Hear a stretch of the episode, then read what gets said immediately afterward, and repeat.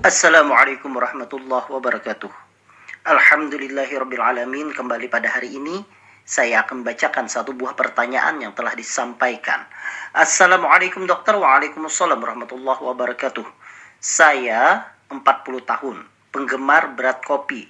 Setiap hari, saya bisa menghabiskan beberapa gelas kopi.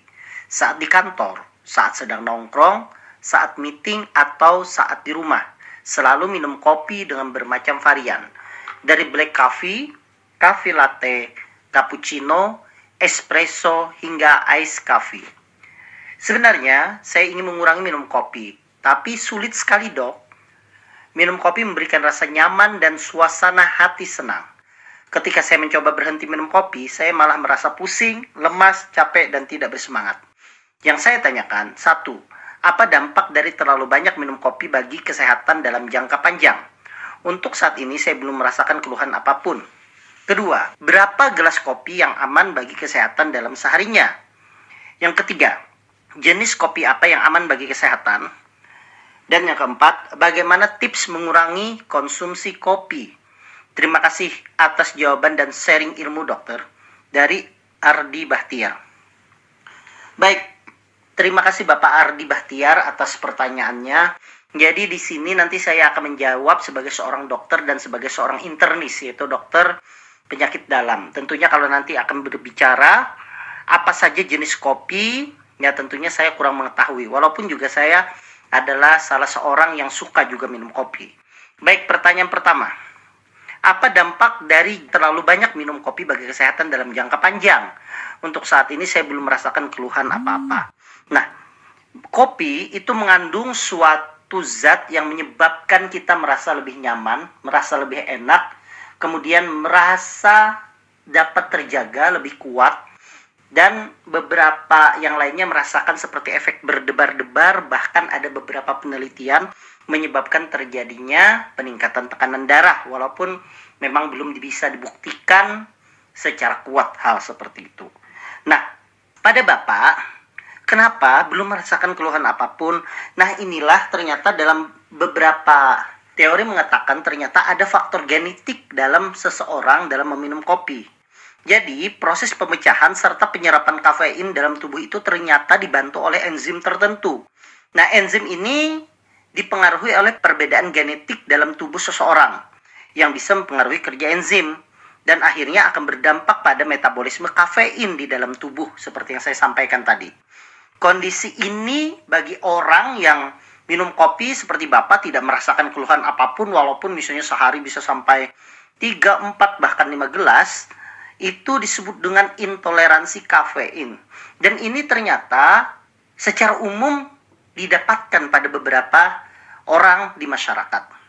Bagi orang yang tidak toleransi dan kafein, dia minum 1 sampai 2 cangkir kopi saja setiap hari dapat meningkatkan rasa berdebar-debar bahkan terasa nyeri di dada dan tekanan darah yang meningkat.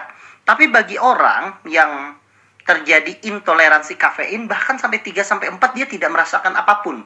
Dia hanya merasakan nyaman, merasa senang karena efek dari kebiasaan dia minum kopi dan merasa sangat nikmat ketika dia meminum kopi.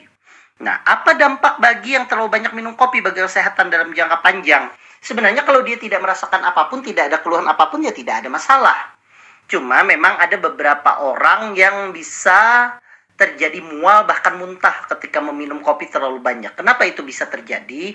Karena ternyata dengan meminum kopi, kemudian hormon simpatiknya itu meningkat, kemudian asam lambungnya juga meningkat. Asam lambung yang meningkat itu bisa menyebabkan gejala mah, yaitu seperti mual, muntah, nyeri kepala. Nah, ini hati-hati bagi orang yang punya mah. Tapi bagi orang yang tidak punya keluhan apa pun, ya tentunya tidak ada masalah, Pak. Kemudian, pertanyaan selanjutnya, berapa gelas kopi yang aman bagi kesehatan dalam sehari-hari? Nah, dari beberapa penelitian, saya ambil oleh penelitian Mayo Clinic, mereka mengatakan bahwa batas mengonsumsi kafein yang aman bagi sebagian besar orang dewasa itu adalah 400 mg. Nah, kafein itu kalau kita bandingkan ke kopi, maka dia itu setara dengan 4 cangkir kopi empat cangkir kopinya apa? Espresso, ya. Jadi espresso single shot itu adalah satu cangkir kopi hitungan dari mereka. Jadi espresso single shot itu kan 15 mili.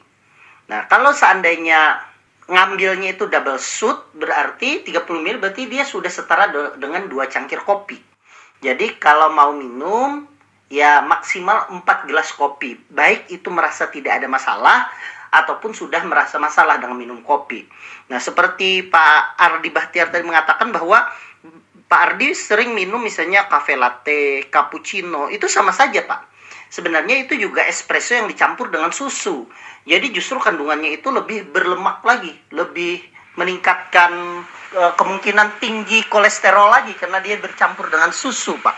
Jadi e, sebaiknya walaupun penyuka kopi dibatasi saja, Pak, antara 4 gelas sehari saja untuk meminumnya tersebut. Kemudian pertanyaan selanjutnya, jenis kopi apa yang aman bagi kesehatan? Saya tidak paham maksudnya jenis kopi itu apakah misalnya kopi arabica, apakah kopi robusta. Tetapi di Mayo Clinic mengatakan tadi bahwa batas aman seseorang untuk mengonsumsi kopi itu adalah tidak lebih dari 400 mg kafein atau sebanyak 4 cangkir kopi saja. Dan menurut beberapa penelitian dalam jurnal dari Mayo Clinic yang saya sampaikan tadi, orang yang minum lebih dari 4 cangkir kopi setiap harinya, dia itu memiliki peningkatan risiko kematian sebesar 56%. Nah, jadi di sini tidak ada dijelaskan bahwa jenis kopinya apa. Apakah jenis kopinya itu arabica, apakah jenis kopinya itu robusta, apakah cara merostingnya itu harus medium atau merostingnya itu tidak apa-apa sampai hard misalnya atau terlalu hitam misalnya tidak dijelaskan di situ. Kemudian pertanyaan selanjutnya, bagaimana tips mengurangi mengonsumsi kopi? Menurut saya untuk tips ini sebenarnya ya memang agak sulit bagi pecinta ataupun pecandu kopi ya. Artinya kalau seandainya memang sudah sangat suka dengan minum kopi bahkan menurut saya kalau seandainya bekerja keras atau lagi sibuk-sibuknya justru yang dicari adalah kopi untuk meningkatkan konsentrasinya tetapi ya menurut saya ya sebaiknya kalau seandainya memang pada seseorang yang sudah kecanduan minum kopi lebih baik sering membawa air putih ke mana saja. Jadi kalau sudah merasa haus atau sudah merasa perlu minum, maka bisa dialihkan dengan minum air putih saja sehingga bisa mengurangi kebiasaan minum kopi. Tapi saya tegaskan sekali lagi berdasarkan penelitian 4 gelas kopi itu tidak ada masalah. Artinya selama orang itu tidak ada merasa apa-apa dengan minum kopi, maka dibatasilah minum kopi sampai 4 gelas itu tidak ada masalah dan itu menurut saya hal yang wajar bagi para pecandu kopi untuk minum 4 gelas sehari. Cuma hati-hati bagi uh, bapak atau ibu yang mendengarkan penjelasan saya ini punya penyakit seperti darah tinggi, punya penyakit seperti riwayat stroke, kemudian adanya penyakit riwayat jantung, sebaiknya kebiasaan meminum kopi itu sudah mulai ditinggalkan dan beralih dengan minuman yang lain saja. Ya seperti air putih atau air teh saja misalnya ya itu tidak ada masalah. Nah kemudian kopi itu yang baik seperti apa ya? Sebaiknya kopi yang diminum itu adalah kopi yang betul-betul kopi seperti espresso atau uh, black coffee yaitu kopi yang dicampur dengan air yang banyak. Nah atau americano kalau orang sering bilang. Ya dengan kalau kita itu ya kopinya itu kopi seduh ya seperti itu. Nah itu yang bagus. Kalau sudah tadi bicara cappuccino, cafe latte, atau macchiato, itu kan sebenarnya intinya dia sudah dicampur susu. Nah, takutnya di susu sendiri juga orang yang punya riwayat dislipidemia atau gangguan lemak di dalam darah dengan kebiasaan harus minum selalu cappuccino atau cafe latte, nanti lemak di dalam darahnya tidak terkontrol. Nah, itu hati-hati juga. Jadi, kalau mau minum kopi ya lebih baik kopinya itu yang kopi murni Kalaupun mau dicampur ya sesekali saja sehari sekali. Jangan setiap minum kopi ya harus ada campuran susunya tersebut.